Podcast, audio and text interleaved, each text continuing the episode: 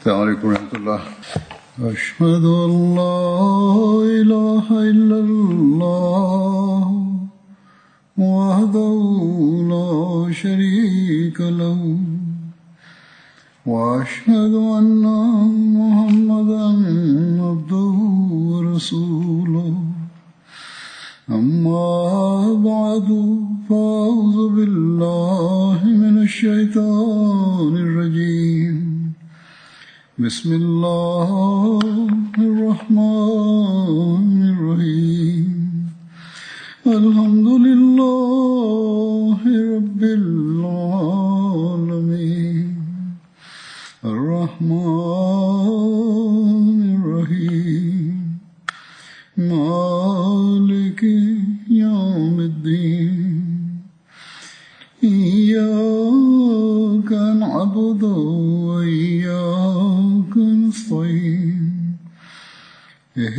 الصراط المستقيم صراط الذين أنعمت عليهم غير المغضوب عليهم ولا الضالين 2021ခုနှစ်ဩဂတ်လ20ရက်နေ့မှာ Hazrat Amirul Muminin Khalifatul Masih Al-Khamis Ayyadahullahu Ta'ala bin Nasr Aziz ပြစ်မခလီဖာသခင်ကြီးကအင်္ဂလန်နိုင်ငံအစ္စလာမာဘတ်တယ်ဖိုရှိမူဘာရက်ဘလီဝေကျောင်းမှာဂျမာခွတ်ဘာမချခဲ့ပါတယ်။အဲ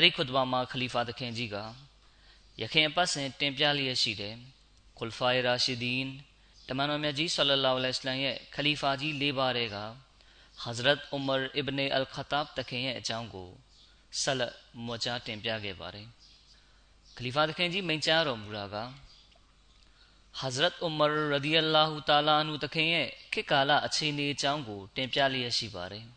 ။တခင်ရဲ့ခေတ်ကာလမှာစစ်ပွဲအသီးသီးကိုဆင်နွှဲခဲ့ပါတယ်။အဲ့ဒီစစ်ပွဲတွေအကြောင်းကို တင်ပြနေခြင်းဖြစ်ပါတယ်။အဲ့ဒီစစ်ပွဲတွေထဲမှာဂျွန်ဒိုင်ဆဘူအမီရှိစစ်ပွဲတစ်ခုလည်းဆင်နွှဲခဲ့ပါတယ်။အဘူဆဘရာဘင်ရိုဟန်တခင်က ဆာဆာနီပါရှင်အင်ပါယာစစ်တပ်နဲ့တိုက်ခိုက်ဖို့အတွက်မိမိရဲ့စစ်တပ်နဲ့အတူရှေ့သို့ချီတက်ပြီးဂျွန်ဒိုင်ဆဘူမှာစခန်းချပါတယ်။ဂျွန်ဒိုင်ဆဘူဆိုတာကကူရဒစ္စတန်ပြည်နယ်ကမြို့တစ်ခုရဲ့နာမည်ဖြစ်ပါတယ်။အဘူဆဘရာတခင်ကရန်သူစစ်တပ်ကိုစတင်ထိုးစစ်ဆင်တိုက်ခိုက်ပါတယ်။ဒါပေမဲ့လည်းတခင်ကမိမိတက်ဆွဲထားတဲ့နေရာမှာသာရှိနေခဲ့ပါတယ်။ ဒီလိုနဲ့မွတ်စလင်တွေဘက်ကစစ်သားတယောက်ထံမှာရန်သူစစ်တပ်ကခိုလုံခွင့်တောင်းဆိုပါတယ်။ဒီခါအဲ့ဒီမွတ်စလင်စစ်သားကတောင်းဆိုချက်ကိုလက်ခံခဲ့ပြီးချက်ချင်းဖဆီးမြို့ရဲ့မုတ်တကားကိုဖွင့်ပေးလိုက်ပါတယ်။မုတ်တကားကိုဖွင့်လိုက်တယ်ဆိုရင်ပဲတရိတ်ဆန်တွေကထွက်လာကြပြီးဈေးတွေလည်းပုံမှန်တိုင်းပြန်လဲရောင်းချကြပါတယ်။လူတွေလည်းဟိုဟိုဒီဒီတွာလာကြတာကိုမြင်ရပါတယ်။ဒီခါမွတ်စလင်တွေက အတင်းတို့ဘယ်လိုလုပ်ပြီးဒီမျိုးတွေရောက်လာရတာလဲဆိုပြီးမေးတဲ့အခါရန်သူဘက်ကလူတွေကလူကြီးမင်းတို့ကကျွန်ုပ်တို့ကိုခိုလုံခွင့်ပေးလိုက်တာကြောင့်ပါကျွန်ုပ်တို့ဒီလူကြီးမင်းတို့ကိုအခွန်ပေးဆောင်ပါမည်လူကြီးမင်းတို့ကကျွန်ုပ်တို့ကိုကာကွယ်စောင့်ရှောက်ပေးရပါမည်ဆိုပြီးဖြေပါတယ်ဒီဖြေစကားကိုကြားတဲ့အခါမွတ်စလင်တွေကငါတို့ကအတင်းတို့ကိုဘယ်မှာခိုလုံခွင့်ပေးလို့လဲအတင်းတို့ထံကအခွန်ယူပြီးအတင်းတို့ကိုကာကွယ်စောင့်ရှောက်မယ်လို့လဲ မပြောခဲ့ပါလားဆိုပြီးပြောတဲ့အခါရန်သူဘက်ကကျွန်ုပ်တို့လိန်ပြောနေခြင်းမဟုတ်ပါဆိုပြီးဖြေပါတယ်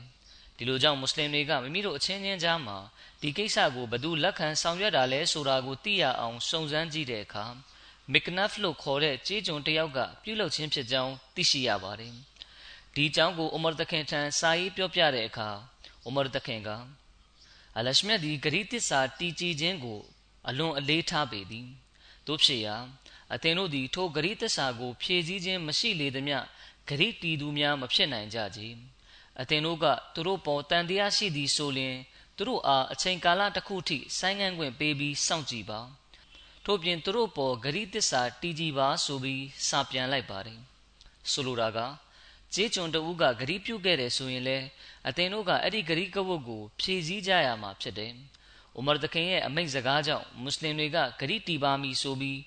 ထောက်ခံပြောဆိုခဲ့ကြပြီးအဲ့ဒီဒေတာကနေပြန်လည်ထွက်ခွာလာခဲ့ကြပါတယ်။အဲ့ဒီတိုက်ပွဲကကူရဒစ္စတန်ပြည်နယ်ကိုအပီးအောင်နိုင်ခြင်းရဲ့နောက်ဆုံးတိုက်ပွဲဖြစ်ခဲ့ပါတယ်မွတ်စလင်မာဦးရဒီအလာဟူအန်နူတခင်ကအထက်ပါဖြစ်ရနဲ့အလားတူဖြစ်ရကိုတင်ပြထားပါတယ်။အိုမာတခင်ခေတ်ကာလတွင် လူမဲကျေးကျွန်တဦးကလူအုပ်စုတစ်ခုအားအသင်တို့ပြည်သူများကိုထိုထိုသောအခွင့်အရေးများခံစား권ပေးပါမည်ဟုဂရုပြုခဲ့လေသည်။အ စ္စလမ်စစ်တပ်က ထိုနေရာသို့ ရောက်ရှိသောအခါ ထိုလူအုပ်စုက မိမိတို့နေဂရိပြုထားပြီးဖြစ်ကြောင်း ပြောလေသည် မွတ်စလင်စစ်တပ်၏ခေါင်းဆောင်က ထိုဂရိကဝတ်ကို လက်ခံရန် နှောင့်နှေးနေသည် ထို့ကြောင့် အိုမာတခင်ထံ စာရေးအကြောင်းကြား၏အိုမာတခင်က မွတ်စလင်တဦး၏စကားက မူသားမဖြစ်သင့်ကြဂရိပြုပြီးလျင် ထိုဂရိကို ဖြည့်ဆည်းရမည်ကြေးကျွန်က ပေးသောဂရိဖြစ်ပါစေ ထိုဂရိကို ဖြည့်ဆည်းရမည်ဟု စာပြန်လိုက်သည် အိုမာတခင်ခေတ်ကာလတွင်မွတ်စလင်စစ်တပ်ကရန်သူစစ်တပ်ကိုဝိုင်းထားလိုက်သည်ထိုအခါရန်သူတွေကမိမိတို့မိသည့်နီးနှင်းမြမလွတ်မြောက်နိုင်တော့ကြောင်းသိရှိသွားလေသည်မွတ်စလင်စစ်တပ်၏စစ်ဦးစီးခေါင်းဆောင်ကအမိန်ပေးလျက်မိမိတို့၏ရဲတိုက်ကိုတိုက်ခိုက်အောင်နိုင်တော့မည်အကယ်၍ငါတို့ရဲတိုက်ကိုအောင်နိုင်ခဲ့မည်ဆိုလျှင်စစ်ရှုံးသောနိုင်ငံများကိုပြုမှုဆက်ဆံသည့်အတိုင်းဆက်ဆံခြင်းခံရလိမ့်မည်ဟုတွေးလေသည် မွတ်စလင်တိုင်းကစစ်ရှုံးခြင်းနှင့်ပြည်ငြိမ်းမှုယူခြင်း၏ကြားတွင်ရှိသောကွာခြားချက်ကိုကောင်းစွာနားလည်ကြသည်စစ်ရှုံးသူများအတွက်အစ္စလာမီရေဘူးရဥပဒေရှိသည်ပြည်ငြိမ်းမှုယူရာတွင်စစ်နိုင်သူဘက်ကမိမြပင်ကန့်သက်ချက်များကိုတတ်မှတ်သည်ဖြစ်စေကြိုက်သလောက်ရပိုင်ခွင့်နှင့်အခွင့်အရေးများကိုရယူသည်ဖြစ်စေရယူနိုင်ပေသည်ထိုအခါတွင်ရန်သူတို့ကအစဉ်ပြေချောမွေပြီးနူးညံ့မှုရှိသောကန့်သက်ချက်များဖြင့်ပြည်ငြိမ်းမှုယူနိုင်မိနီလန်းကိုစဉ်းစားလေသည် ထို့သောဖြင့်တရက်တွင် လူမဲမွတ်စလင်တဦးက ရေဖြည့်နေစဉ်ရန်သူဘက်မှ လူတစ်ယောက်က သူ့ထံသို့သွားပြီးအကယ်၍ပြည်ငိမ့်မှုယူလိုက်ခြင်းက စစ်တိုက်ခြင်းတက်ပုံမို၍ကောင်းသလိုမကောင်းသလိုဟုမေးလျင်ထိုလူမဲမွတ်စလင်က ကောင်းပါသည်ဟုဖြေ၏ထို့နောက်ထိုလူမဲမွတ်စလင်ကပညာမတတ်သူဖြစ်ပေရာသူကထိုရန်သူအားဒို့ဆိုလျင်အသင့်အနေနဲ့ကျွန်ုပ်တို့သည်မိမိတို့နိုင်ငံတွင်လွတ်လပ်စွာနေထိုင်ပါမည်ကျွန်ုပ်တို့အားဝင်ရောက်ဆွတ်ဖက်မှုမပြုရ ကျွန်ုပ်တို့ပိုင်ပစ္စည်းဥစ္စာများကကျွန်ုပ်တို့၏လက်ထဲတွင် ရှိရမည်ဖြစ်ပြီးအသင်တို့ပိုင်ဥစ္စာပစ္စည်းကလည်းအသင်တို့လက်ထဲတွင် ရှိရမည်ဟုသောကန့်သက်ချက်ဖြင့်ပြည်ငိမ့်မှုယူနိုင်သည်ဟု ပြောလေသည်ထိုအခါထိုရန်သူကကောင်းပါပြီဟုဆိုလျက်ပိတ်ထားသောရဲတိုက်တကားကိုဖွင့်လိုက်လေသည်ထို့နောက်တွင်အစ္စလမ်စစ်တပ်ကြီးကရောက်ရှိလာသောအခါရန်သူတွေကကျွန်ုပ်တို့နှင့်အသင်တို့ကြားတွင်ဂရိကဝတ်ပြူပြီးဖြစ်သည်ဟု ပြောလေသည်မွတ်စလင်တို့ကရန်သူတို့အား ဘယ်တော့ကအသင်တို့နဲ့ကျွန်ုပ်တို့ကြားတွင်ဂရိကဝတ်ပြုလိုက်ကြတာပါနီမိသည့်မွတ်စလင်စစ်ဦးစီးခေါင်းဆောင်နှင့်ဂရိကဝတ်ပြုလိုက်တာပါနီဟုမေးလျင်ရန်သူတို့ကကျွန်ုပ်တို့မသိပါအသင်တို့ထဲတွင်မိသူကခေါင်းဆောင်ဖြစ်သည်မိသူကခေါင်းဆောင်မဟုတ်တလဲဆိုသည်ကိုကျွန်ုပ်တို့မသိပါရေဖြစ်နေသည့်မွတ်စလင်တယောက်ကိုကျွန်ုပ်တို့စကားပြောကြည့်ရာသူကကျွန်ုပ်တို့နှင့်ဤသို့ဂရိကဝတ်ပြုလိုက်ခြင်းဖြစ်သည်ဟုဖြေလေသည်မွတ်စလင်တို့ကဟိုမှာမွတ်စလင်လူမဲကြေးကျွန်လာနေပါသည် မိတို့မိပုံဖြစ်ခဲ့ကြောင်းထိုကျေးကျွန်ကိုမေးကြည့်ပါဟုဆိုကြလေသည်ထိုလူမဲကျေးကျွန်ကိုမေးကြည့်ရာသူကမှန်ပါသည်ကျွန်ုပ်နှင့်စကားပြောခဲ့ခြင်းဖြစ်ပါသည်ဟုပြော၏မွတ်စလင်တို့ကသူကတာမန်တသားကျေးကျွန်တဦးမြသာဖြစ်ပါသည်သူ့ကိုဘသူကမှဆုံးဖြတ်ပိုင်ခွင့်ပေးထားခြင်းမရှိပါဟုပြောကြ၏ရန်သူတို့ကသူကအသင်တို့၏ခေါင်းဆောင်တော်ခေါင်းဆောင်မဟုတ်ဘူးလောဆိုသည်ကိုကျွန်ုပ်တို့ကမိတို့သိပါမည်နီ ကျွန်ုပ်တို့ကသစိမ့်တရံများဖြစ်ပေရာသူကပင်အသင်တို့၏စေဦးစီးကောင်းဆောင်ဖြစ်သည်ဟုထင်မှတ်ခြင်းဖြစ်ပါသည်ဟုပြော၏ထိုအခါတွင်ရန်သူတို့နှင့်စကားပြောနေသောထိုမွတ်စလင်ကောင်းဆောင်ကအသင်တို့ပြောသောစကားများနှင့်အကြောင်းပြချက်များကိုကျွန်ုပ်လက်မခံနိုင်ပါသို့သောကျွန်ုပ်ဤကိစ္စကိုအိုမာတခင်ထံစာရေးတင်ပြပါမည်ဟုဆိုလေသည်အိုမာတခင်ကထိုစာကိုရရှိသောအခါနောင်ခါတွင်စစ်ဦးစီးချုပ်မှအပအခြားမိသူမြဂရိစာချုပ်ချုပ်ဆိုခြင်း ဂရိကပုတ်ပြုခြင်းစသည်တို့ကိုလုတ်ပိုင်ခွင့်မရှိကြောင်းကြေညာလိုက်ပါသို့သောယခုတော့မွတ်စလင်တဦးကဂရိပြုပြီးဖြစ်သောကြောင့်ထိုဂရိကိုကျွန်ုပ်ကပယ်ဖြတ်ရန်မှာမဖြစ်နိုင်ပါယခုတော့ထိုလူမဲမွတ်စလင်၏ဂရိကဝတ်ကိုအသင်တို့လက်ခံရပါမည်မှန်၏နောင်ခါအတွက်မူစစ်ဦးစီးချုပ်မှအပမိသူတဦးတယောက်ကမျှမိသည့်လူအုပ်စုနှင့်မဆိုဂရိစာချုပ်ချုပ်ခြင်းဂရိပြုခြင်းစသည်တို့ကိုလုတ်ပိုင်ခွင့်မရှိကြောင်းကြေညာလိုက်ပါဟုစာပြန်လိုက်လေသည် အိုမာတခင်ကအီရန်အင်ပါယာကိုဘာကြောင့်တိုက်ခိုက်သိမ်းပိုက်ခဲ့ရတာပါလဲဘယ်လိုအကြောင်းတရားတွေကြောင့်သိမ်းပိုက်ခဲ့ရတာပါလဲဒီကြောင်းတရားတွေနဲ့ပတ်သက်ပြီးတမိုင်းဆင်ပြန်ချက်တွေမှာလာရှိပါတယ်အိုမာတခင်ကအကယ်၍အီရတ်နဲ့အဟ်ဗတ်ဒေတာတွေမှာသာစစ်ပွဲရပ်တန့်ပြီးဆုံးသွားမယ်ဆိုရင်ပုံမတင့်တော်ကောင်းမွန်လိမ့်မယ်ဆိုပြီးဆန္ဒရှိပါတယ်စစ်ပွဲဆင်နွှဲလို့ဘာအကျိုးမှမရှိပါဘူးရန်သူတွေကဥစွာလာရောက်တိုက်ခိုက်တဲ့အတွက်ပြန်လည်ခုခံတိုက်ခိုက်ခြင်းသာဖြစ်ပါတယ် ရန်သူရဲ့တိုက်ခိုက်မှုကြောင့်ရန်သူကိုတစ်ကြိမ်တစ်ခါပြန်လည်ခုခံတိုက်ထုတ်လိုက်ပြီးဆိုရင်အဲ့ဒီမှာတင်စစ်ပွဲကပြီးဆုံးသွားတဲ့နယ်လို့အိုမာသခင်ကစဉ်းစားပါတယ်အဲ့ဒီတိုင်းလည်းဖြစ်လာဖို့အိုမာသခင်ကဆန္ဒရှိပါတယ်ဒါကြောင့်သခင်ကမိမိရဲ့အဲ့ဒီဆန္ဒကိုအကြိမ်ကြိမ်ထုတ်ဖော်ပြောပြပါတယ်အိုမာသခင်ကငါတို့နဲ့ပါရှင်သားတွေကြားမှာအတားဆီးရှိလင်ကောင်းပြီတို့ဖြင့်ငါတို့ကလည်းသူတို့ဘက်ကိုမသွားနိုင်ရန် သူတို့ကလည်းငါတို့ဘက်သို့မလာရောက်နိုင်ရန်ဖြစ်သည်ဆိုပြီးမိမိရဲ့ဆန္ဒကိုထုတ်ဖော်ပြောပြလေးရှိပါတယ်ဒါပေမဲ့အီရန်ဘက်ကမွတ်စလင်တွေကိုအကြိမ်ကြိမ်စစ်မှတ်တိုက်ခိုက်လာခြင်းကအိုမာတခင်ရဲ့ဖော်ပြပါဆန္ဒကိုမပြေဝစေခဲ့ပါဘူးဟစ်ဂျရီတက္ကရာ18ခုနှစ်မှာမွတ်စလင်စစ်ဦးစီးခေါင်းဆောင်အုပ်စုတစုကအိုမာတခင်ထံခါစားဝင်ရောက်လာပါတယ်အိုမာတခင်ကအဲ့ဒီအုပ်စုကိုကျွန်ုပ်တို့ကစစ်နိုင်လိုက်တဲ့နိုင်ငံတွေနဲ့နေရာဒေသတွေမှာဘာကြောင့်ခဏခဏပုံကံမှုနဲ့ ဂရီဖောက်ဖျက်မှုတွေဖြစ်ပေါ်လာရတာလဲလို့မေးပါတယ်။အိုမာတခင်ကမွတ်စလင်တွေဟာစစ်ရှုံးသွားတဲ့ဒေသမှာနေထိုင်ကြသူတွေအတွက်ဒုက္ခအခက်အခဲဖြစ်စေတဲ့အကြောင်းကံတွေဖြစ်တာကြောင့်သူတို့ကအခုလိုပုံကံကြတာနေမှာဆိုပြီးမိမိရဲ့တန်တရားကို ထုတ်ပြောခဲ့ပါတယ်။ဒီအခါမွတ်စလင်စစ်ဦးစီးခေါင်းဆောင်အုပ်စုကအဲ့ဒီလိုမဟုတ်ပါသခင်ကျွန်တော်မျိုးတို့သိရသလောက်မွတ်စလင်တွေဟာအပြည့်အဝတစ္ဆာရှိမှုဂရီတီကြီးမှုဖြင့်လှုပ်ဆောင်ကြတာပါဆိုပြီးရှောက်ထားကြပါတယ်။အိုမာသခင်က ဒါဆိုရင်သူတို့ကဘာကြောင့်ပုံကံကြရတာပါလဲလို့မေးပါတယ်။ကျန်တဲ့ခေါင်းဆောင်အဖွဲ့ကတော့အိုမာသခင်ရဲ့အဲ့ဒီမေးခွန်းကိုစိတ်ကျေနပ်ဖွယ်အဖြေပြန်မပေးနိုင်ခဲ့ကြပါဘူး။ဒါပေမဲ့အနတ်ပင်ကက်စ်တခင်ကအိုးယုံကြည်သူတို့၏ခေါင်းဆောင်ကျွန်တော်မျိုးဒီသခင်အားဖြစ်ကြောင်းကုံစင်အားလုံးကိုတင်ပြပါမယ်။တခင်ကကျွန်တော်မျိုးတို့ကိုအဲ့ဒီဒေသတွေမှာနောက်ထပ်စစ်ပွဲဆင်နွှဲခြင်းကနေတားမြစ်ခဲ့ပြီးစစ်နိုင်ပြီးသားအဲ့ဒီဒေသတွေမှာပဲနေထိုင်ကြဖို့မိန့်မာခဲ့ပါတယ်။ ဒါပေမဲ့အီရန်ဘရင်ကယခုထိတိုင်အသက်ရှင်လျက်ရှိနေပါသေးတယ်။သူအသက်ရှင်နေသမျှကာလပတ်လုံးအီရန်သားတွေကကျွန်တော်မျိုးတို့ကိုစစ်မှတ်တိုက်ခိုက်လျက်သာနေအောင်မှာဖြစ်တယ်။နိုင်ငံတနိုင်ငံမှာအုပ်ချုပ်သူအစိုးရနှစ်ခုရက်တည်၍မရနိုင်ပါ။ထိုအုပ်ချုပ်သူနှစ်ခုကတစ်ခုရက်တည်နိုင်ဖို့နောက်တစ်ခုကိုနှင်ထုတ်မိတာဖြစ်တယ်။ကျွန်တော်မျိုးတို့သည်မိသည့်ဒေတာကိုမှဥစွာထိုးစစ်ဆင်တိုက်ခတ်ပြီးတိမ့်ပိုက်ခဲ့ခြင်းမဟုတ်ပဲရန်သူတို့ကကျွန်တော်မျိုးတို့ကို ဥစွာလာရောက်တိုက်ခိုက်တဲ့အတွက်ကျွန်တော်မျိုးတို့ကခုခံတိုက်ခိုက်ရင်းသူတို့နေထိုင်ရာဒေတာကိုအောင်နိုင်တိမ့်ပိုက်ခဲ့ခြင်းဖြစ်ကြောင်းတခင်အတိဆုံးဖြစ်ပါတယ်အဲ့ဒီတိုင်းလှုပ်ဆောင်ဖို့ကိုလည်းတခင်ကပဲအမိန်ပေးခဲ့ခြင်းဖြစ်ပါတယ်ဆိုပြီးရှောက်ထားလိုက်ပါတယ်ဒီဖြေစကားထဲမှာမွတ်စလင်တွေစစ်ပွဲဆင်နွှဲရခြင်းအကြောင်းရင်းလဲပါဝင်လာသလိုအစ္စလာမ်ကိုစောရကတက်ဝေဖန်ကြသူတွေအတွက်လည်းအဖြေပါဝင်လာပါတယ်ဆိုလိုတာကမွတ်စလင်တွေဟာဘယ်တော့မှမြေနေရာတွေကိုသိမ့်ပိုက်ဘူး တိုင်းပြည်နိုင်ငံတွေကိုသိမ့်ပိုက်ဖို့စစ်ပွဲဆင်နွှဲခြင်းမရှိခဲ့ပါဘူးရန်သူတွေကမွတ်စလင်တွေကိုဥစွာထိုးစစ်ဆင်တိုက်ခိုက်လာတဲ့အတွက်ငြိမ်းချမ်းရေးတိဆောက်ဖို့အတွက်သာစစ်ပွဲတွေကိုဆင်နွှဲရခြင်းဖြစ်ပါတယ်ဒီနောက်အောင်နိုင်မှုတွေကိုလည်းရရှိခဲ့ခြင်းဖြစ်ပါတယ်အဲဒီနောက်အနတ်ပင်ကတ်တခင်ကအိုမာတခင်ကိုရန်သူဘက်ကစစ်သူတွေကသူတို့ဘရင်ကဆေလွတ်ချင်းကြောင့်ရောက်လာကြခြင်းဖြစ်တယ်အကယ်၍တခင်ကသာကျွန်တော်မျိုးတို့ကိုရန်သူနယ်မြေမှာတက်ဆွဲခွင့် သူတို့ကိုကြက်ကြက်မတ်မတ်ကင်တွယ်ခွင့်မပေးဘူးဆိုရင်ဒါပြင်ဘရင်ကိုအီရန်ကနေပြည်နှင်တံမပေးဘူးဆိုရင်သူတို့ကနောင်ခါမှာလဲဒီလိုပုံကံမှုမျိုးကိုလှုပ်ဆောင်နေအောင်မှာဖြစ်တယ်တခင်ကသာကျွန်တော်မျိုးတို့ကိုဒီလိုလှုပ်ဆောင်ခွင့်ပေးမယ်ဆိုရင်အီရန်အင်ပါယာကစစ်သားတွေနဲ့ဘရင်ရဲ့ကြားမှာအဆက်အသွယ်ပြတ်ပြီးပုံကန်တဲ့အလုပ်တွေကိုလည်းသူတို့လုပ်နိုင်မှာမဟုတ်ဘူးဆိုပြီးရှောက်ထားတင်ပြပါတယ်။အိုမာတခင်က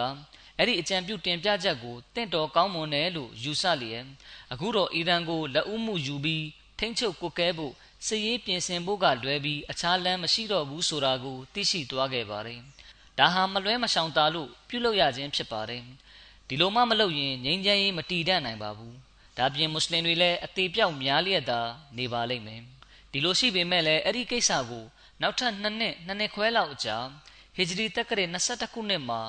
နဟာဗန်စပွဲအပြီးမှာသာအကောင့်ထဲဖော်ခဲ့ခြင်းဖြစ်ပါတယ် နဟာဗန်စပွဲမှာအီရန်သားတွေကအင်အားလွန်တောင့်တင်းစွာဖြင့်ထွက်ခွာလာကြခြင်းဖြစ်ပြီးမွတ်စလင်တွေရဲ့နဟာဗန်ဒေသမှာအလွန်ပြင်းထန်စွာစစ်ပွဲဖြစ်ပွားခဲ့ပါတယ်နဟာဗန်စစ်ပွဲကိုဖတဟူလ်ဖတူဒ်လို့လည်းခေါ်ပါတယ်အီရန်နဲ့အီရတ်စစ်မြေပြင်မှာမွတ်စလင်တွေကအနိုင်ရှုံးကိုဆုံးဖြတ်တဲ့အဆုံးဖြတ်တိုက်ပွဲ၃ခုဖြစ်ပွားခဲ့ပါတယ်။ပထမတစ်ခုကကာဒီစီယာစစ်ပွဲ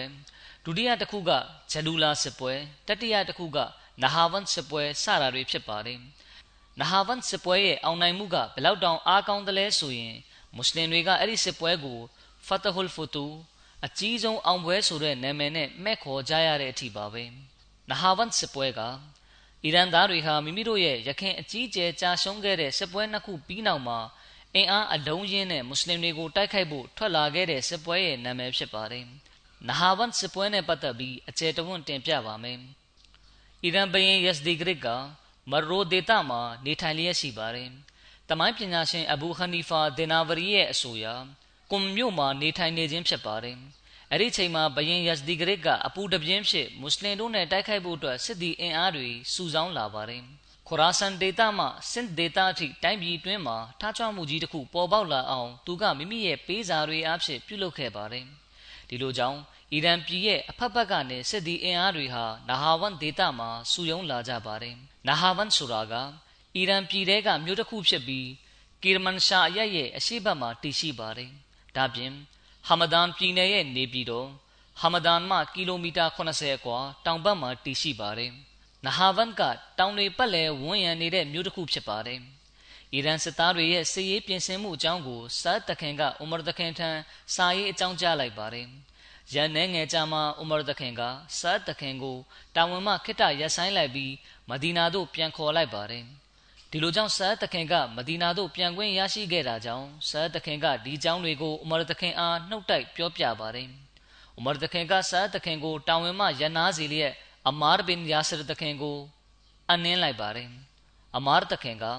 အီရန်စစ်သားတွေရဲ့စစ်ရေးပြင်ဆင်မှုအကြောင်းနဲ့ပတ်သက်ပြီးသတင်းတွေကိုမပြတ်ရရှိလျက်ရှိပြီး တဖန်အမားတခင်ကအဲ့ဒီသတင်းတွေကိုမဒီနာမြို့သို့ဇက်တိုက်ပို့ဆောင်ပါတယ်ဥမရတခင်ကမဂျလစ်ဆေမူရှာဗီရတ်လွတ်တော်ခေါ်ယူပြီးစင်မြင့်ထက်သို့တက်ကမိကွန်းတစ်ခုကိုမွတ်ကြားပါတယ်အဲ့ဒီမိကွန်းမှာဥမရတခင်ကအခုလိုမိန့်ကြားပါတယ်အိုးအရဗ်အမျိုးသားတို့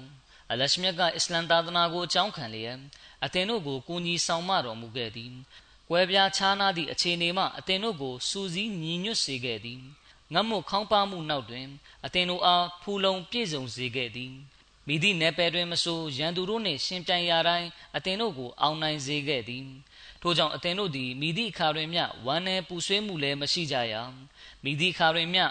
လွှမ်းမိုးအနိုင်ယူခြင်းကိုလည်းမခံကြရ။ယခုမူကားဘုရားသခင်အလင်းကိုမှုန်ငင်းရန်ရှိုက်တန်မိစ္ဆာက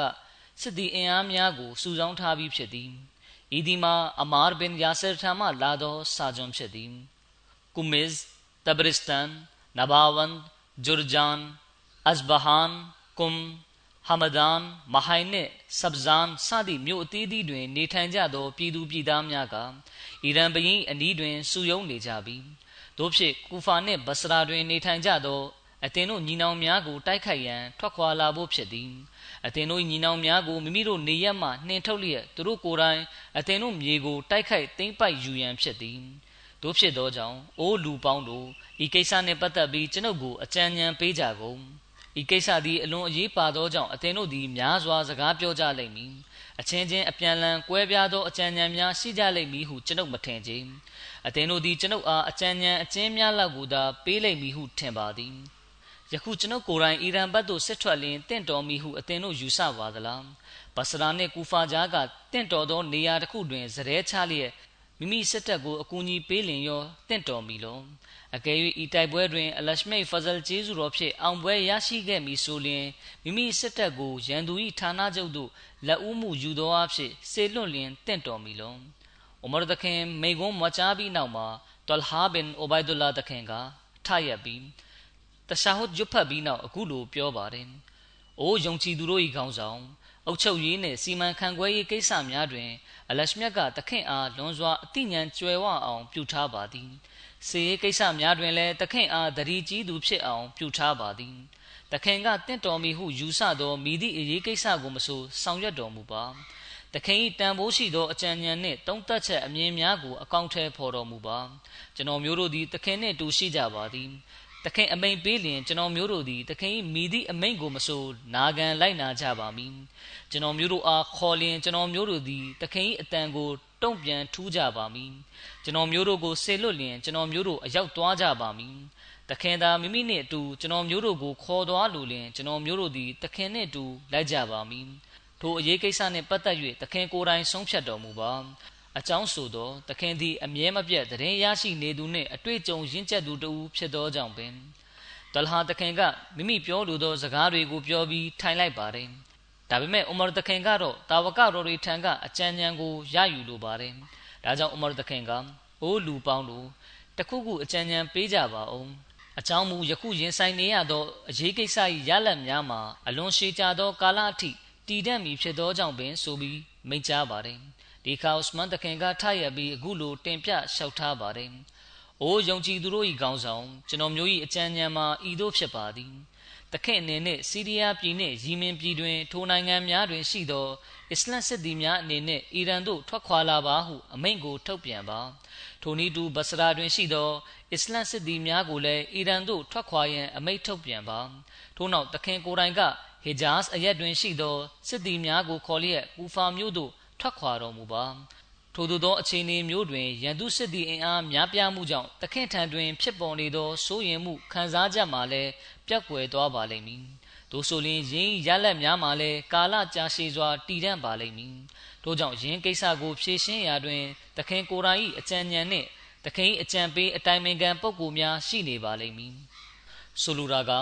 မရတခင်ကိုယ်တိုင်စစ်ထွက်လိုက်ပါတင့်ပါသည်။ ဒီလိုနဲ့ဥစမန်တခင်ရဲ့အကြံပြုချက်ကိုလွှတ်တော်မှာရှိတဲ့လူအများစုကကြိုက်နှစ်သက်ကြပြီးအားလုံးတို့ကမှန်ကန်သောအကြံပြုချက်ဖြစ်ပါသည်ဆိုပြီးပြောကြပါတယ်။ဒါပေမဲ့ဥမာတခင်ကထပ်ပြီးလူတွေထံကအကြံပြုချက်ကိုတောင်းခံပါတယ်။ဒီခါလီတခင်ကထပ်ရပြီးမိမိရဲ့အကြံပြုချက်ကိုတင်ပြလျက်ရှေလျားသောမိကွန်းတစ်ခုကိုပြောဆိုပါတယ်။အလီတခင်ကအခုလိုတင်ပြလျှောက်ထားပါတယ်။။ အိုးယုံကြည်သူတို့၏ခေါင်းဆောင်အကယ်၍သခင်ကစီးရီးယားမှမွတ်စလင်စစ်တပ်ကိုအီရန်သို့စစ်ထွက်ရန်အမိန့်ပေးလိုက်မည်ဆိုလျှင်ရောမအင်ပါယာကစီးရီးယားကိုတိုက်ခိုက်သိမ်းပိုက်လိုက်ပါလိမ့်မည်။အကယ်၍ယီမင်ပြည်မှအစ္စလမ်စစ်တပ်ကထွက်ခွာလာမည်ဆိုလျှင်လည်းဟပ်ရှာနိုင်ငံကလည်းယီမင်ကိုသိမ်းပိုက်လိုက်ပါလိမ့်မည်။အကယ်၍သခင်ကိုယ်တိုင်ကမဒီနာမှထွက်ခွာသွားမည်ဆိုလျှင်နိုင်ငံတစ်ခုလုံးရှိနေရာအနှံ့မှမွတ်စလင်တို့သည် သခင်ပါလိုက်လာသည်ဆိုသည်ကိုကြားပြီးသခင်အားအကူအညီပေးရန်ထွက်ခွာလာကြပါလိမ့်မည်။သခင်ကအန်ဒီယေကိုရင်ဆိုင်ရန်ထွက်ခွာသွားခြင်းဖြစ်တော်လဲ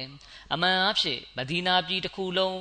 လူသူကင်းမဲ့သွားခြင်းကြောင့်ထိုအန်ဒီယေကမဒီနာ၌ပင်ပေါ်ပေါက်လာပါလိမ့်မည်။ထို့ကြောင့်သခင်အနေနဲ့ဘစရာမြို့ရှိစစ်သည်အားလုံးကိုအစိပ်ပိုင်း၃ပိုင်းခွဲရန်အမိန့်ပေးခြင်းကပုံမတင့်တော်ပါသည်။ထိုအစိပ်ပိုင်း၃ပိုင်းနဲ့အစိပ်ပိုင်းတစ်ခုကိုမွတ်စလင်တို့၏အသက်နှင့်အိုးအိမ်ကိုစောင့်ရှောက်ရန်တာဝန်ပေးပါ။ဒု တိယအစိတ်ပိုင်းကိုမွတ်စလင်တွေကစစ်နိုင်ပြီးဖြစ်ကပြည်ငိမ့်မှုလည်းယူပြီးဖြစ်သောတိုင်းနိုင်ငံများတွင်တက်ဆွဲရန်တာဝန်ပေးပါ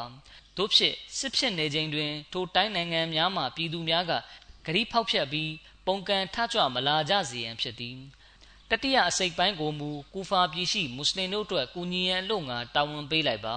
ထိုနည်းတူတခင်အနေနဲ့ကူဖာပြည်သားတို့အားအသင်တို့ပြည်ရှိစစ်သားများအနက် တက်စိတ်တစ်ခုကိုကူဖာမှာပဲထားပါနောက်ထပ်တက်စိတ်နှစ်ခုကိုရန်သူတို့အားရင်ဆိုင်တိုက်ခိုက်ရန်ဆေလွတ်ပါဟုစာရေးအမိန့်ပေးလိုက်ပါထို့ပြင်သခင်အနေနဲ့စီးရီးယားပြည်ရှိစစ်တပ်ထံသို့စစ်သားများကိုတက်စိတ်များခွဲရန်ထို့နောက်တက်စိတ်နှစ်ခုကိုစီးရီးယားမှာပဲတက်ဆွဲစောင့်ကြရန်တက်စိတ်တစ်ခုကိုအီရန်သို့စေပို့ရန်စာရေး၍အမိန့်ထုတ်ပြန်ပါ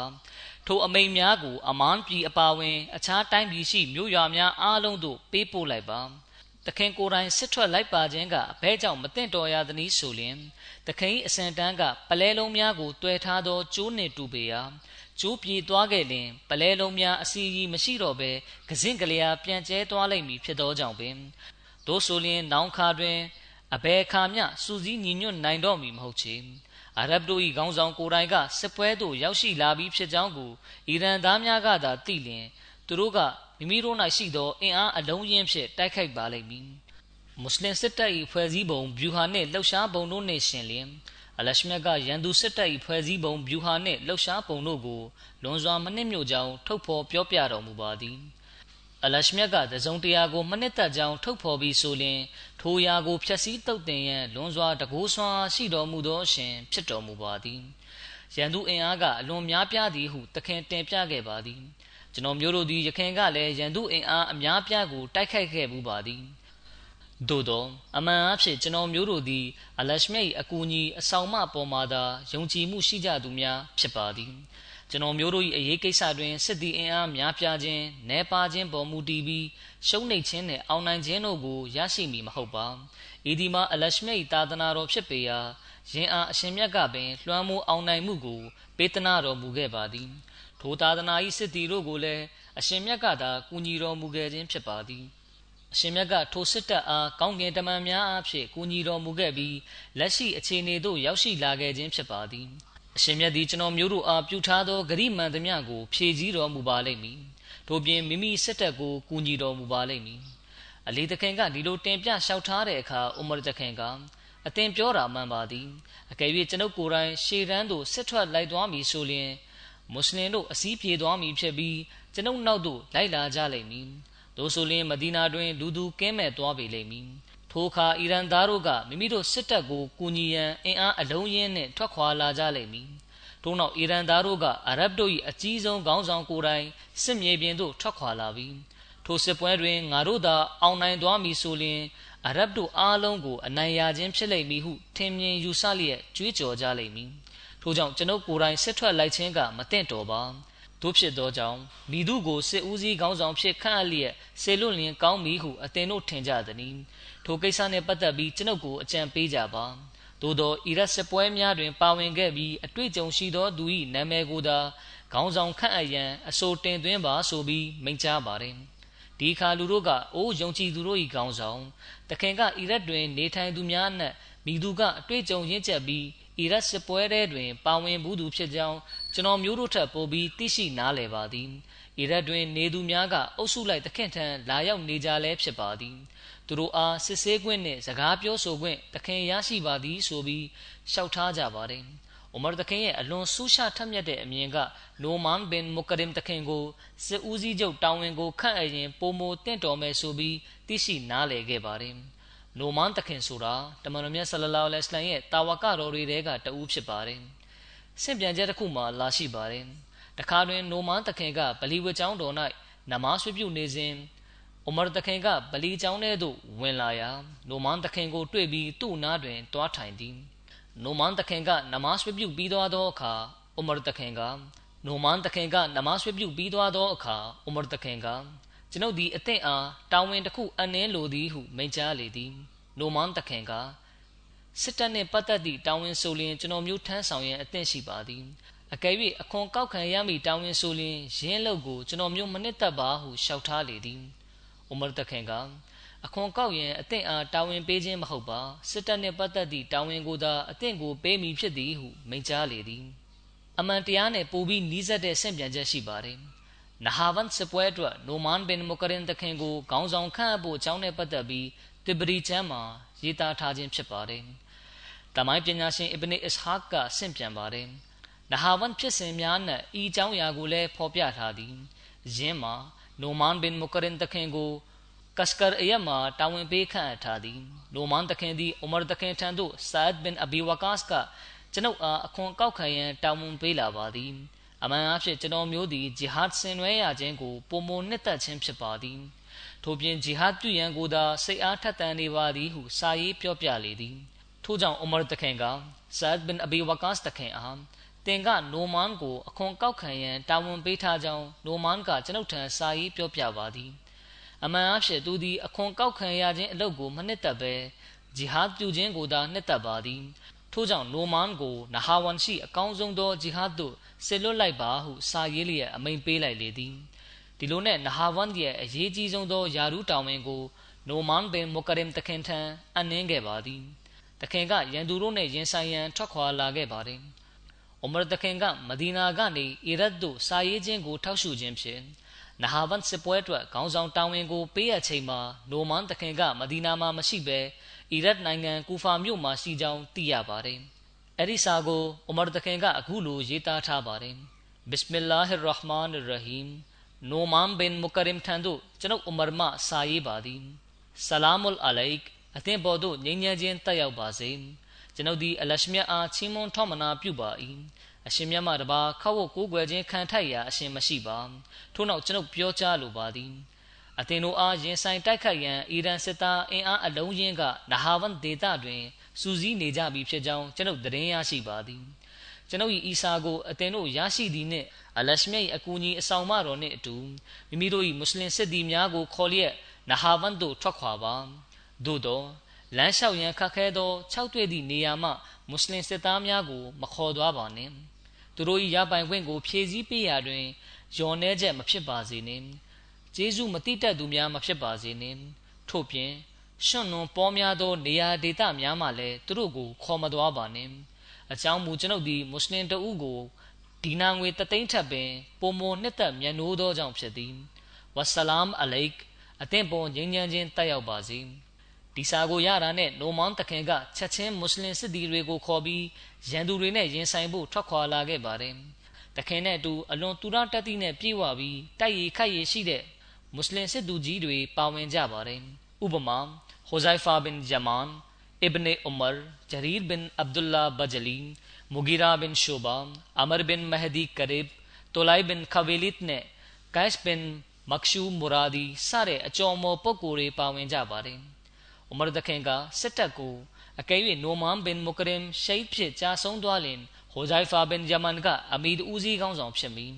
မရ်ဘင်မဟဒီက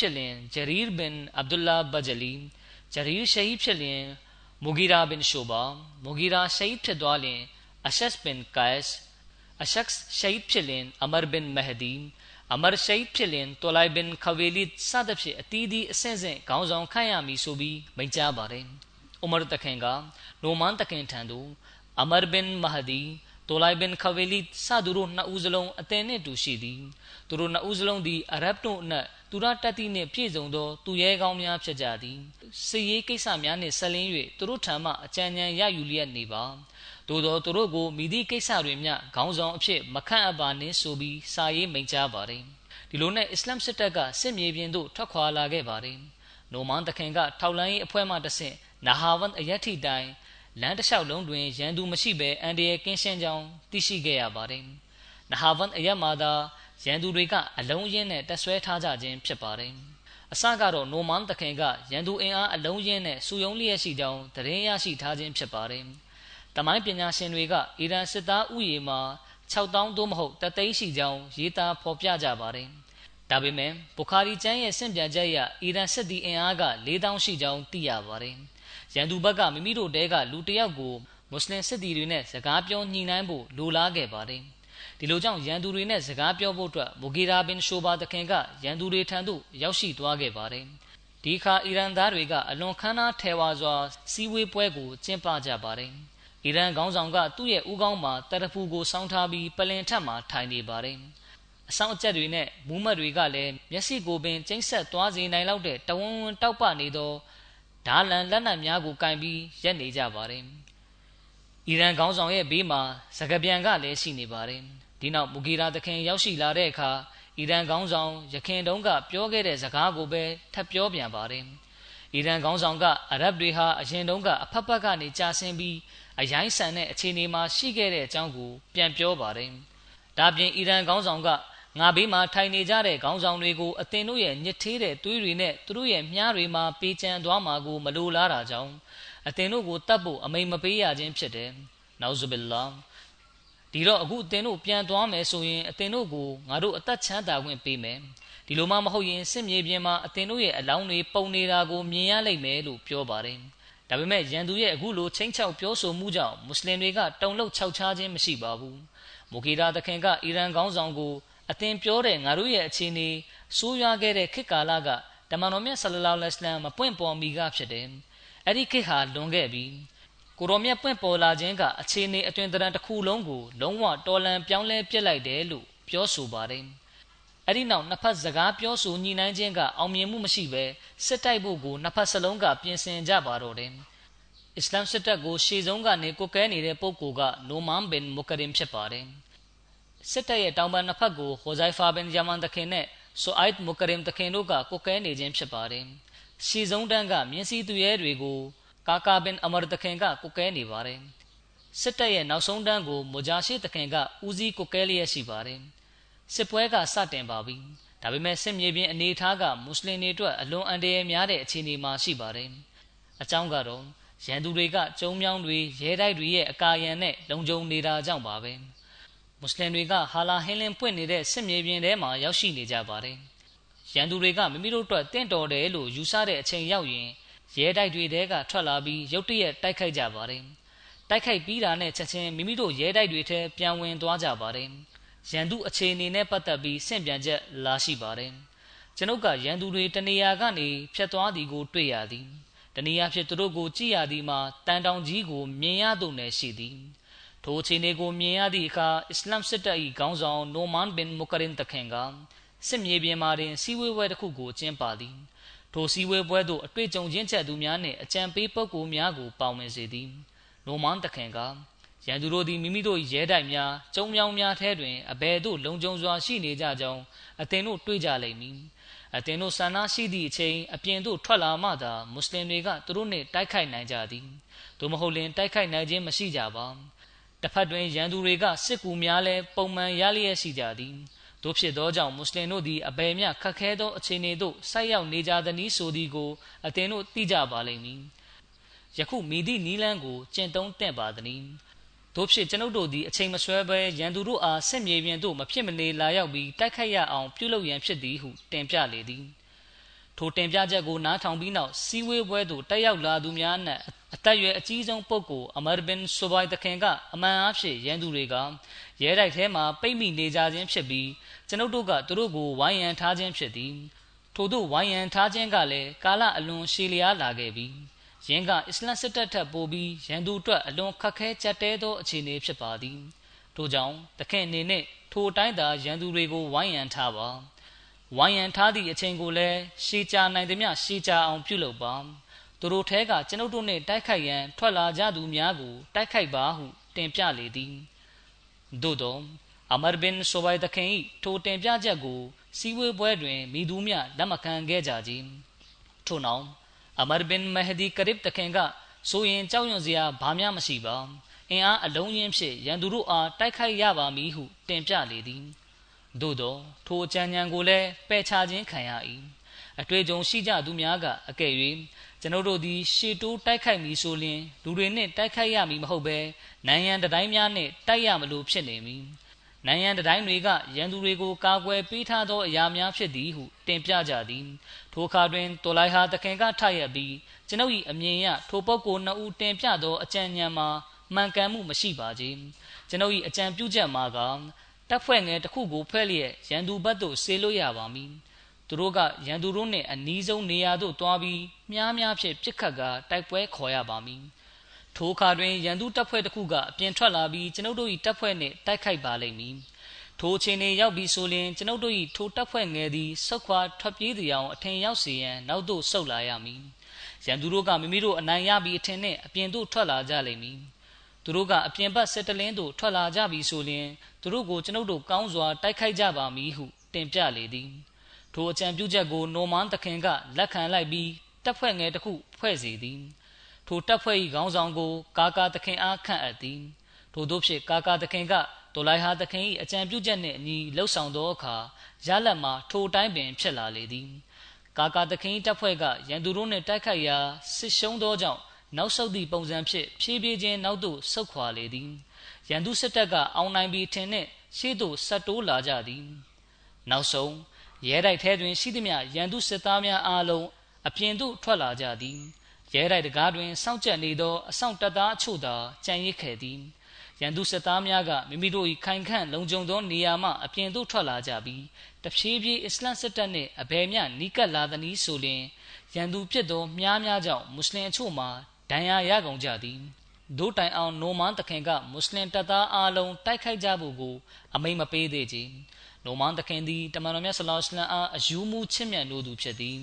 တမန်တော်မြတ်ဆလလောလ္လဟ်အလိုင်းလုံယိုးလှုပ်စင်မှာလက်နက်ခင်းတွင်တိုက်ပွဲမဖြစ်ပွားလျင်ညနေခင်းရောက်ပြီးလေပြေလေညင်းများတိုက်ခိုက်ခြင်းမရှိလေသည်မြတိုက်ပွဲဆင်နွှဲလေမရှိခြင်းပင်ဖြစ်သည်ထိုနည်းကိုနှလုံးမူလျက်နိုမန်တခင်ကညနေခင်းရောက်မှတိုက်ခိုက်ရန်စောင့်ဆိုင်းနေခြင်းဖြစ်သည် မွတ်စလင်အချို့ကမူယခုပင်တိုက်ပွဲဆင်နွှဲရန်ဆန္ဒပြင်းပြနေကြသည်ရန်သူတို့၏မြားချက်ကြောင့်မွတ်စလင်အချို့ဒဏ်ရာရရှိသွားသောကြောင့်မွတ်စလင်တို့၏တိုက်ခိုက်လိုစိတ်မှာပုံမပြင်းထန်လာကြသည်ထို့ကြောင့်မွတ်စလင်တို့ကစစ်ဦးစီးခေါင်းဆောင်ထံသွားပြီးတိုက်ပွဲဆင်နွှဲရန်ခွင့်ပြုချက်တောင်းခံကြသည်ထိုအခါတွင်နိုမန်တခင်ကအနှဲငယ်ဆောင်ဆိုင်ဖို့အတွက်မှာကြားလေသည်မူဂီရာဘင်ရှိုဘာတခင်ကစောက်တရားမရဖြစ်လျက် အသင့်နေရာမှာကျွန်ုပ်သာဆိုလျင်ယခုပင်တိုက်ခိုက်ရန်ခွင့်ပြုချက်ပေးမိသာဖြစ်သည်ဟုဆိုလေသည်လိုမန်တခင်ကနောက်ထပ်အချိန်နည်းငယ်လောက်တီးခံစောက်ဆိုင်ပါအောင်မှန်ပါသည်အသင်ကောင်းဆောင်ဖြစ်ခဲ့စဉ်ကအလွန်ကောင်းမွန်စွာစီစဉ်ညွှန်ကြားခဲ့သည်သာဖြစ်သည်သို့သောယခုလဲအလရှမြတ်ကအသင်နှင့်ကျွန်ုပ်တို့ကိုကြိုးရုပ်ရှက်ရအောင်ထိခိုက်နစ်နာအောင်လုပ်မိမဟုတ်ပါအသင်ကအလင်းမြန်လိုချင်သောအရာကိုကျွန်ုပ်ကတီးခံဆောင်ဆိုင်လျက်ရရှိအောင်ကြိုးစားပါမည်ဟုဆိုလေသည် ထို့သောဖြင့်ညနေခင်းအချိန်သို့ရောက်လာတော့နိုမန်တခင်ကမြင်းပေါ်သို့တက်၍စစ်သည်တန်းများအားလုံးကိုလှည့်ပတ်ကြည့်ရှုလေသည်အလံကင်ထားသူတဦးချင်းဘေးတွင်ရက်လျက်အလွန်ပြင်းပြထက်သန်သောစကားကိုမွတ်ကြားလေသည်ထို့နောက်အလွန်နာကျင်ပွဲကောင်းသောအတန်ဖြင့်မိမိရှဟစ်ဖြစ်ရန်အတွက်ဒဝါဆူတောင်းလေသည်ထိုဆူတောင်းကိုနားထောင်ပြီးမွတ်စလင်စစ်သည်တို့ငိုကြွေးကြလေသည်ထိုသည့်နောက်နိုမန်တခင်ကကျွန်ုပ်သည်တက်ဘီ၃ချိန်ကြွေးကြော်ပါမည်ယင်းနှင့်အတူအလံကိုလည်းလှုပ်ရမ်းပါမည် ပထမချိန်တက်ဘီကြွေးကြော်လင်စစ်သည်အားလုံးတိုက်ခိုက်ရန်တတိအနေထားဖြင့်ရှိကြရမည်ဒုတိယချိန်တက်ဘီကြွေးကြော်လင်လက်နက်များကိုချစ်ချစ်ပါအောင်ကင်ထားရမည်တတိယအကြိမ်တက်ဘီကြွေးကြော်ခြင်းတဘာရီအလံကိုလှုပ်ရမ်းခြင်းနှင့်အတူကျွန်ုပ်သည်ရန်သူစီးသို့ထိုးဖောက်ဝင်ရောက်ပါမည်အသင်တို့အားလုံးမိမိတို့ရက်နေသည့်စီးတွင်းကပင်ရန်သူတို့အားတိုက်ခိုက်တုတ်တင်ပါဟုမိန့်ကြားလေသည်ထို့သောမိန့်ကြားပြီးနောက်နိုမန်တခင်က အိုအလရှမြတ်အရှင်မြတ်သည်မိမိသာသနာတော်အားဂုံတိတ်ခါချင်းမြတ်တော်မူပါမိမိအစီတော်များကိုကိုကြီးဆောင်မတော်မူပါယင်း၏အတောင့်လက်အားဖြင့်နိုမန်ကို ပထမဆုံးရှိတ်ဖြစ်ခွင့်ပေးတော်မူပါဟုဆုတောင်းလေသည်နိုမန်တခင်ကတတိယအကြိမ်တက်ဘီရွတ်ဖတ်လိုက်သောအခါမွတ်စလင်စစ်သည်တို့ကရန်သူစီးတဲ့သို့ထိုးဖောက်ဝင်ရောက်တိုက်ခိုက်ကြလေတော့သည်မွတ်စလင်တို့တွင်အဘယ်မျှစိတ်အားပြင်းပြထက်သန်နေကြသည်ဆိုလျှင် မိမိတေလျင်တေသို့မဟုတ်အောင်ပွဲရရမည်ရင်းမအပနောက်ပြန်ဆုံးမိအတွေးကမိသည့်မွတ်စလင်တဦးတယောက်၏အုံနောက်မှာမှဝင်မလာကြကြ။နိုမန်တခင်ကိုတိုင်ကအလံကိုကန်ဆောင်လျက်အလွန်လင်းမြန်စွာရန်သူစီးပေါင်အတွင်းသို့ထိုးဖောက်ဝင်ရောက်သွားလေသည်။မြင်ရသူများအဖို့ရင်းမှာအလံလွှင့်ပြန်နေခြင်းမဟုတ်ဘဲစွန်ရဲတကောင်ကထိုးတုပ်နေခြင်းဖြစ်သည်ဟုထင်မှတ်ရလေသည်။ထို့နောက်မွတ်စလင်စစ်သည်အားလုံးတို့ကလည်းလက်နက်ကိုစီကန်ဆောင်လျက်အင်အားအပြည့်ဖြင့် ရန်သူတို့အားတိုက်ခိုက်ကြလေသည်။ရန်သူတို့ကလည်းစစ်မြေပြင်ရှိရွှွန်နွန်များတဲ့တွင်ခြေတော်များနစ်နေသောကြောင့်မလုတာကြပေ။ဒါရာချင်းထိခတ်မှုကြောင့်အတံပလံများဆူညံနေသည်။မွတ်စလင်မြင်းဒီတော်တို့၏မြင်းများခြေချော်ကုန်ကြသည်။စစ်ပွဲတွင်နိုမန်သခင်ဒဏ်ရာရပြီးသခင်စီးသောမြင်းကလည်းခြေချော်ကြသည်။သခင်ကမြင်းပေါ်မှမြေပြင်ပေါ်သို့ကျလေသည်။သခင်ဝစ်စင်ထားသောခေါင်းပေါင်းနှင့်အလံတော်ကြောင့်စစ်မြေပြင်တွင်သခင်ကိုအထင်ရှားမြင်ရ၏။ နိုမန်သခင်လဲကျသွားသည်ကိုသခင်ညီတော်နအင်းဘင်မုကရင်သခင်ကမြင်တော့တတိကြီးစွာဖြင့်အလံကိုမလဲမီမှာပင်ကင်ဆောင်လိုက်သည်ထို့နောက်နိုမန်သခင်ကိုအဝတ်ဖြင့်အုပ်လိုက်သည်ထို့နောက်နအင်းသခင်ကအလံကိုကင်ဆောင်လျက်ဟိုဇိုင်ဖာဘင်ယမန်သခင်ထံသို့ရောက်လာသည်ဟိုဇိုင်ဖာသခင်ကနအင်းဘင်မုကရင်သခင်ကိုခေါ်ဆောင်လျက်နိုမန်သခင်ရှိရာသို့ရောက်ရှိလာသည်ထိုနေရာတွင်အလံကိုမြေမှဆိုက်ပြီးအလံကလေထဲတွင်လွင့်ပြန်လေသည် မူဂီရာသခင်၏အကြံပြုချက်နှင့်အညီတိုက်ပွဲ၏ရလတ်ထွက်ချိန်ထိနိုမန်သခင်ကွယ်လွန်ပြီးဆိုသောသတင်းကို ဖုံးကွယ်ထားခဲ့သည်အခဘာရုလ်တဲဝါလ်ကျမ်းမှာအခုလိုရေးသားဖော်ပြထားပါတယ်နိုမန်ဘင်မုကရင်တခင်ကဒဏ်ရာရလျက်မြေပြင်ပေါ်သို့လဲကျသောအခါတခင်ရဲ့ညီတော်နအီးမ်တခင်ကမိမိအကိုကိုထမ်းလျက်ရွက်ဖြင်တဲသို့ခေါ်လာခဲ့သည်ထို့နောက်နိုမန်တခင်အဝတ်ကိုနအီးမ်တခင်ကဝတ်လိုက်ပြီး နိုမန်တခင်ဓာကိုကင်လျက်နိုမန်တခင်မြင်းကိုစီး၍ထွက်လာသည်ထို့ကြောင့်လူအများစုကယင်းမှာနိုမန်တခင်ပင်ဖြစ်သည်ဟုထင်မှတ်နေကြလေသည်။တမိုင်းပညာရှင်တစ်ပရီကမိမိရဲ့ကျမ်းမှာအခုလိုရေးသားဖော်ပြထားပါတယ်။အလွန်အာရင်ချိနဲ့နေသောအခြေအနေတွင်အမီရခေါင်းဆောင်၏အမိန့်ကိုနာခံခြင်းကအံ့ဖွယ်ပင်ဖြစ်သည်။နိုမန်တခင်ကကျွန်ုပ်အသက်ခံရလင်လဲတိုက်ပွဲကိုစွန့်ပြီးကျွန်ုပ်ဘက်သို့အာယုံမဆိုင်ကြဘဲ ရန်သူကိုတိုက်ခိုက်လျက်သာနေပါဟုမိန့်မာလေသည်။နိုမန်တခင်လဲကျသွားသောအခါမာကီလ်ကတခန့်အနီးသို့ရောက်လာသည်သို့သောတခင်အမိန့်ကိုသတိရသောကြောင့်မာကီလ်ကလှည့်ပြန်လာခဲ့ပြီးဆက်လက်တိုက်ပွဲဝင်ခဲ့သည်တိုက်ပွဲကတနေကုန်ဖြစ်ပွားနေခဲ့ပါတယ်ဒါပေမဲ့ညဘက်ရောက်တဲ့အခါရန်သူတွေတောက်မခံနိုင်တော့ဘဲစစ်မြေပြင်ကိုမွတ်စလင်တွေကအုပ်စီးမိသွားပါတယ်အီရန်ဘက်ကထိတ်တန်းခေါင်းဆောင်များနဲ့အကြီးအကဲများအားလုံးအသက်ခံရပါတယ်မာကီလ်ကဆင့်ပြန်ပါတယ် စစ်ပွဲအောင်မြင်ပြီးသောအခါကျွန်ုပ်ဒီနိုမန်တခင်ထံသို့တွားရောက်သည်ထိုချိန်တွင်နိုမန်သခင်ကအသက်ကိုမြင်း၍ရှူလျက်ရှိသည်ကျွန်ုပ်ကသခင်မျက်နာကိုမိမိအဝတ်ဖြင့်တုတ်တင်ပေးသည်ထိုအခါသခင်ကကျွန်ုပ်နာမည်ကိုမေး၏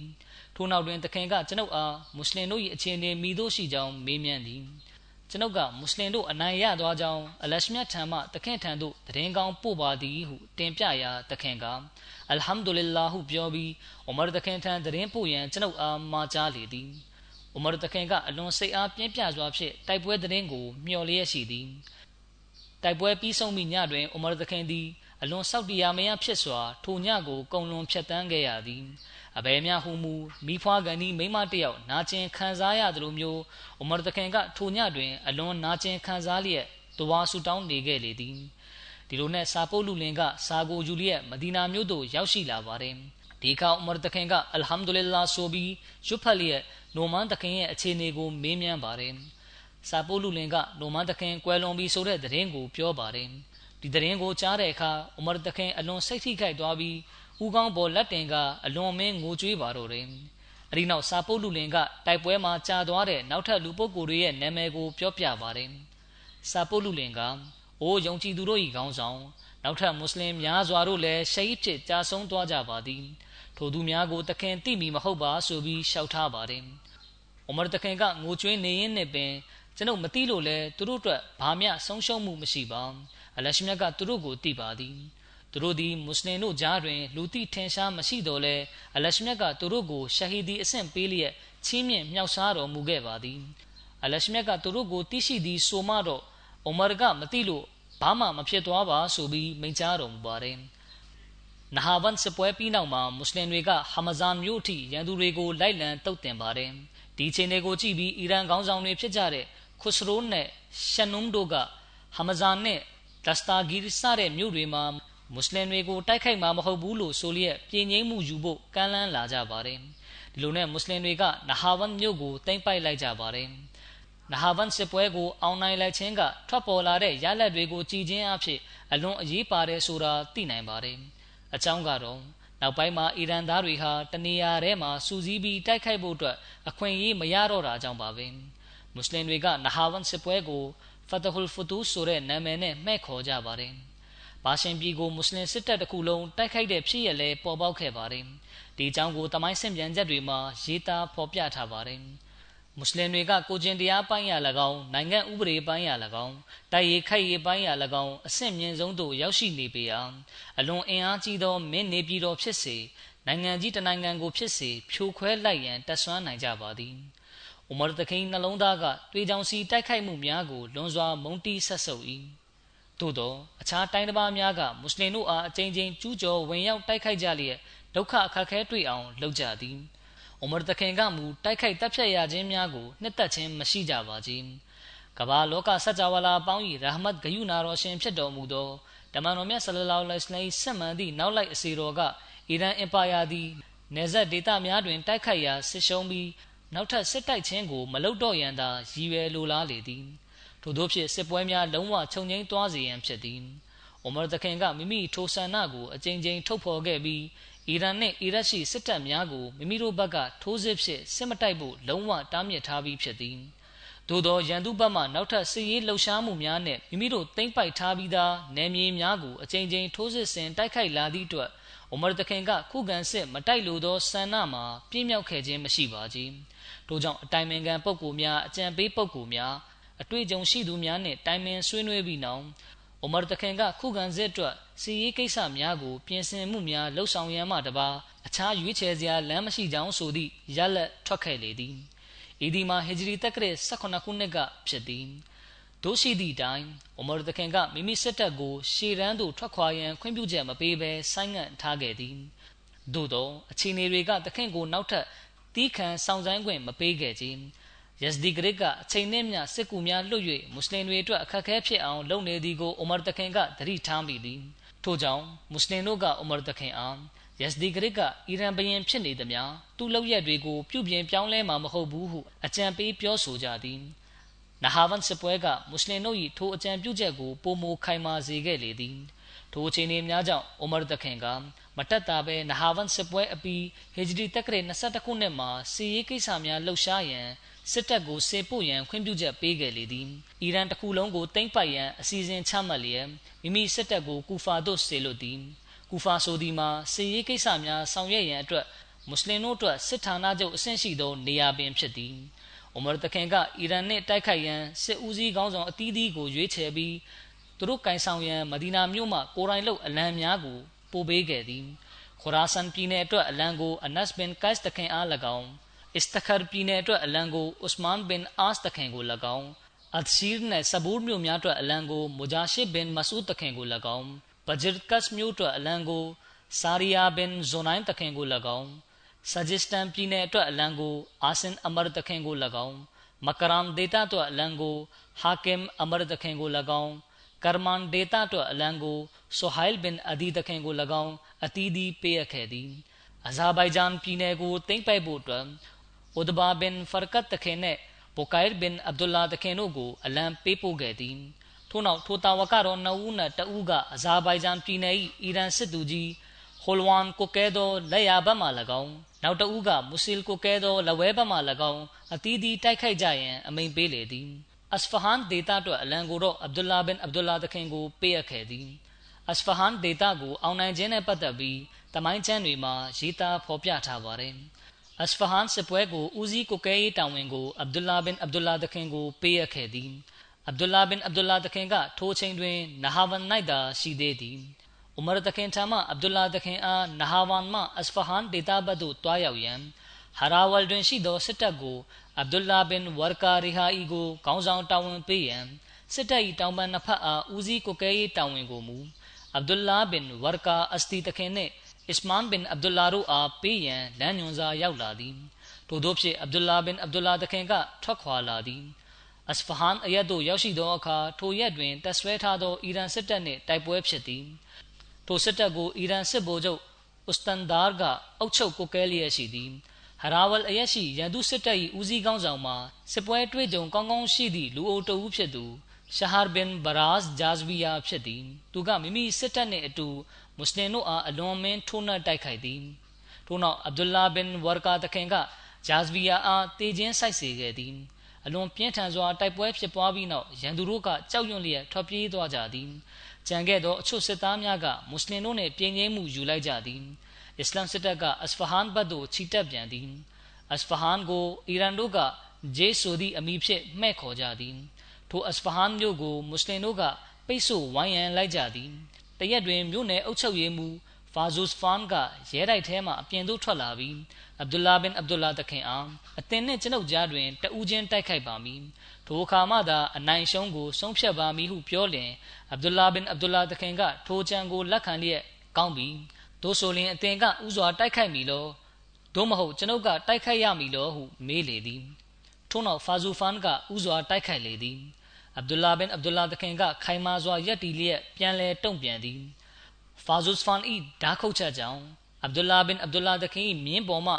ကုန်းနီဂျိုပြတ်သွားယုံမျှသာထိခိုက်ခဲ့သည်အဗ်ဒူလာတခင်ကကုန်းနီကင်းမဲ့သွားသောမြင်း၏ကြောပြင်းဗလာပေါ်သို့ခုန်တက်ပြီးထိုင်လိုက်သည်ထို့နောက်ရန်သူကိုမခုတ်ပိုင်းမီအလင်အဗ်ဒူလာတခင်ကဓားဖြင့်ချိန်ရွယ်လျက်အသင်ရက်နေဟုပြောလေသည်ဖာဇူစ်ဖန်ကအဗ်ဒူလာတခင်အားအသင်သည်တူရတက်သည့်ရှိသူ အတိညာကျွယ်ဝသူပါတကားကျွန်ုပ်သည်အသင်နှင့်ပြည်ငိမ့်မှုကိုယူပြီးမြို့ကိုအသင်လက်သို့အပ်ရန်အသင်ရှိပါသည်ဟုပြောလေသည်ထို့သောဖြင့်နှစ်ဖက်အုပ်စုအကြားတွင်ပြည်ငိမ့်မှုယူခဲ့ကြပြီးမွတ်စလင်တို့ကမြို့ကိုသိမ်းပိုက်ခဲ့ကြသည်တေပရီတမိုင်းကျမ်းမှာဖော်ပြချက်အရဒီစစ်ပွဲကဟီဂျရီတက္ကရာ22ခုနှစ်မှာဖြစ်ပွားခဲ့ခြင်းဖြစ်ကြောင်းသိရပါတယ်။တမိုင်းပညာရှင်ဗလာဇရီကအစဖဟန်စစ်ပွဲမှာစစ်ဦးစီးချုပ်ဖြစ်တာဝန်ယူခဲ့တဲ့တာဝကတော်ကအဗ်ဒူလာဘင်အဗ်ဒူလာတခင်မဟုတ်ပဲ အဗ်ဒူလာဘင်ဟိုဒိုင်ဘင်ဝါကာခိုဇာအီတခင်ဖြစ်ကြောင်းဆိုထားပါတယ်။တမိုင်းပညာရှင်တဘရီကအချို့လူများသည်အစဖဟန်စစ်ပွဲတွင်စစ်ဦးစီးချုပ်ဖြစ်တာဝန်ယူခဲ့သူမှာအဗ်ဒူလာဘင်အဗ်ဒူလာတခင်မဟုတ်ပဲစစ်တပ်၏တောင်ပံကိုကုကဲရသောအဗ်ဒူလာဘင်ဟိုဒိုင်ဘင်ဝါကာဖြစ်သည်ဟုအမှတ်မှားကပြောဆိုနေကြသည်အမှန်အဖြစ်အဗ်ဒူလာဘင်ဟိုဒိုင်တခင်ကအူမာတခင်ခေတ်ကာလတွင်လူငယ်ရွယ်သားရှိပါသေးသည် ဆဖင်းစပွဲ၌အသက်ခံရချိန်မှာတောင်အဗ်ဒူလာဘင်ဟိုဒိုင်တခင်အသက်မှာ24နှစ်သာရှိသေးသည်ဆိုပြီးရေးထားပါတယ်နဟာဗန်ဒေတာကိုအောင်နိုင်ပြီးနောက်မှာမွတ်စလင်တွေကဟာမဇန်ဒေတာကိုလည်းအောင်နိုင်ခဲ့ပါတယ်ဒီလိုရှိသည့်တိုင်ဟာမဇန်မျိုးသားများကဂတိစာချုပ်ကိုချိုးဖောက်ခဲ့ကြပြီးအဇာဘိုင်ဂျာမှစစ်ကူတောင်းလျက်စစ်တပ်တစ်ခုကိုပြင်ဆင်တိစောက်ခဲ့ပါတယ်။ဥမာတခင်ကနအင်းဘင်မူကရင်တခင်ကိုစစ်သည်ဥယေ12000နဲ့အတူ ဟာမဇန်တို့တွားရောက်ရန်လမ်းညွှန်ခဲ့ပါတယ်။အဲဒီနောက်ရန်သူတွေနဲ့မွတ်စလင်တွေကြားမှာအလွန်ပြင်းထန်စွာစစ်ပွဲဖြစ်ပြီးနောက်ဆုံးမွတ်စလင်တွေကဟာမဇန်မြို့ကိုသိမ်းပိုက်လိုက်ပါတယ်။အဲဒီစစ်ပွဲရဲ့ရလဒ်နဲ့ပတ်သက်ပြီးဥမာတခင်ကအထူးစိတ်ပူနေခဲ့ပါတယ်။စာပုတ်လူလင်ကအဲ့ဒီစစ်ပွဲနဲ့ပတ်သက်ပြီးသတင်းကောင်းကိုယူဆောင်လာပါတယ်။ဒီနောက်ဥမာတခင်ကစာပုတ်လူလင်ကတဆင့်နအင်းဘင်မူကရင်တခင်ထံသို့ဟာမဇန်တွင်တစုံတဦးကိုအသင့်ကိုစားခေါင်းဆောင်ဖြစ်ခန့်အပ်လျက် အသင်ကိုယ်တိုင်ကနောက်လိုက်ဗိုလ်ကြီးများနှင့်အတူရိုင်းဒေတာဘတ်သို့ခြိတက်ပါထိုဒေတာမှာရှိသောရန်သူစစ်တပ်ကိုအနိုင်ယူလျက်ရိုင်းဒေတာမှာပင်စခန်းချလိုက်ပါအကြောင်းဆိုသောထိုသည့်ရိုင်းမျိုးကကျွန်ုပ်တို့အတွက်စီရေးကိစ္စများဆောင်ရွက်ရာတွင်ဌာနချုပ်အစဉ်မျိုး၌ရှိသောကြောင့်ဖြစ်သည်ဆိုပြီးစာရေးအကြောင်းကြားလိုက်ပါတယ်။အိုမာတခင်ရဲ့အကြောင်းကမပြီးသေးပါဘူး။တခင်လက်ထက်ကဖြစ်ပွားခဲ့တဲ့နောက်ထပ်စစ်ပွဲတွေအကြောင်းတင်ပြဖို့ကြံပါသေးတယ်။အဲဒီအကြောင်းကိုနောင်ခါမှာဆက်လက်တင်ပြပါမယ်။ ယခုကျွန်တော်အနေနဲ့ကွယ်လွန်သူတချို့အကြောင်းကိုတင်ပြပါမယ်။ဂျမာနမတ်ဝတ်ပြုပြီးနောက်မှာသူတို့အတွက်ဂျနာဇာဂိုင်နမတ်ကိုလည်းဝတ်ပြုပါမယ်။ကွယ်လွန်သူပထမပုဂ္ဂိုလ်ကမိုဟမ္မဒ်ဒီယန်တိုနိုဆာဟစ်ဖြစ်ပါတယ်။သူကအင်ဒိုနီးရှားနိုင်ငံကဖြစ်ပြီးဇူလိုင်လ15ရက်နေ့2021ခုနှစ်အသက်48နှစ်အရွယ်မှာကွယ်လွန်သွားခဲ့ခြင်းဖြစ်ပါတယ်။အင်နာလ illah ဝအင်နာအီလိုင်ဟီရာဂျီအွန်သူကမွေးကလေးကမွတ်စလင်ဖြစ်မွေးလာသူမဟုတ်ဘဲအရွယ်ရောက်တဲ့အခါ ဗလီသွားခြင်းအစ္စလာမ်သာသနာကိုလေ့လာခြင်းတွေပြုလုပ်ပြီးမွတ်စလင်ဖြစ်လာခဲ့သူပါ။အာမဒီယတ်ကိုလက်ခံပြီးနောက်မှာသူကဂျာမီယာသာသနာတက္ကသိုလ်ကိုတက်ရောက်ပြီး2002ခုနှစ်မှာဘွဲရခဲ့ပါတယ်။သူ့ရဲ့တဘလစ်ပြုမှုကြောင့်လူများစွာတို့ဟာအာမဒီယထဲသို့ဝင်ရောက်လာကြပါတယ်။သူကမဘလစ်သာသနာပြုဖြစ်တာဝန်ထမ်းဆောင်နေစဉ်မှာရန်ပြုဆန့်ကျင်မှုများစွာကိုခံခဲ့ရပါတယ်။ ကွယ်လွန်သူဒုတိယပုဂ္ဂိုလ်ကဆိုင်ဇာဒါဖာဟမ်လတီဖ်ဆာဟစ်ဖြစ်ပါတယ်။အင်နာလ illah ဝအင်နာအီလိုင်ဟီရာဂျီအွန်သူကအမေရိကန်နိုင်ငံချီကာဂိုမြို့မှာနေထိုင်သူဖြစ်ပါတယ်။သူကဆိုင်ဇာဒါအဗ်ဒူလတီဆာဟစ်ရဲ့မြစ်တော်ဆက်သူဖြစ်ပါတယ်။သူကအမြဲတမ်းဂျမာတ်ကိုအလုပ်ကျွေးပြုဖို့အတွက်အသင့်ရှိသူဖြစ်ပါတယ်။သူမှာသားသမီး၃ယောက်နဲ့ဇနီးဖြစ်သူတို့ကြံရစ်ခဲ့ပါတယ်။ကွယ်လွန်ချိန်မှာသူကအသက်45နှစ်ရှိပါပြီ။ကွယ်လွန်သူတတိယပုဂ္ဂိုလ်ကတော့ မလစ်မူဘရှာအာမတ်ဆိုင်ဖြစ်ပါတယ်။သူကနိုဝင်ဘာလ22ရက်နေ့2020ခုနှစ်မှာကွယ်လွန်ခဲ့ခြင်းဖြစ်ပါတယ်။သူကဂျမတ်ရဲ့မူဖတ်ဆီရူလ်ကုရ်အာန်ကုရ်အာန်ဂီဂါကျမ်းရှင်မလစ်ဂူလန်ဖရစ်ဆာဟစ်ရဲ့တားတော်မောင်ဖြစ်ပါတယ်။သူကဂျမတ်အတွက်အခမ်းကဏ္ဍအသီးသီးကနေအလုတ်ကျွေးပြုခဲ့သူဖြစ်ပါတယ်။အလရှမြဒီကွယ်လွန်သူအားလုံးကိုမဂ်ဖီရတ်တနာကျင်နာတော်မူလျက်ခွင့်လွှတ်ချမ်းသာပြုတော်မူပါစေ။သူတို့ရဲ့နာဝဉ္ဇဉ်ပိုင်းဆိုင်ရာအဆင့်တန်းကိုလည်းမြင့်တင်ပေးတော်မူပါစေ။ ကျန်ရည်သူမိသားစုဝင်တွေကိုလည်းကြံ့ကြံ့ခံလျက်ယက်တီနိုင်စွမ်းပေးသနာတော်မူပါစေ။ကြံရည်ခဲ့တဲ့သားသမီးတွေကိုလည်းသူတို့တိုင်ကောင်းမှုပွားများအားထုတ်နိုင်စွမ်းပေးသနာတော်မူပါစေ။အာမင်။ الحمد لله الحمد لله نحمده ونستعينه ونستغفره ونؤمن به ونتوكل عليه ونعوذ بالله من شرور أنفسنا ومن سيئات أعمالنا. من يهده الله فلا مضل له ومن يضلله فلا هادي له. ونشهد أن لا إله إلا الله ونشهد أن محمدا عبده ورسوله. عباد الله رحمكم الله. إن الله يأمر بالعدل واللسان وإيتاء ذي القربى وينهى عن الفحشاء والمنكر والبغي يعظكم لعلكم تذكرون. اذكروا الله يذكركم وذوه يستجب لكم ولذكر الله أكبر.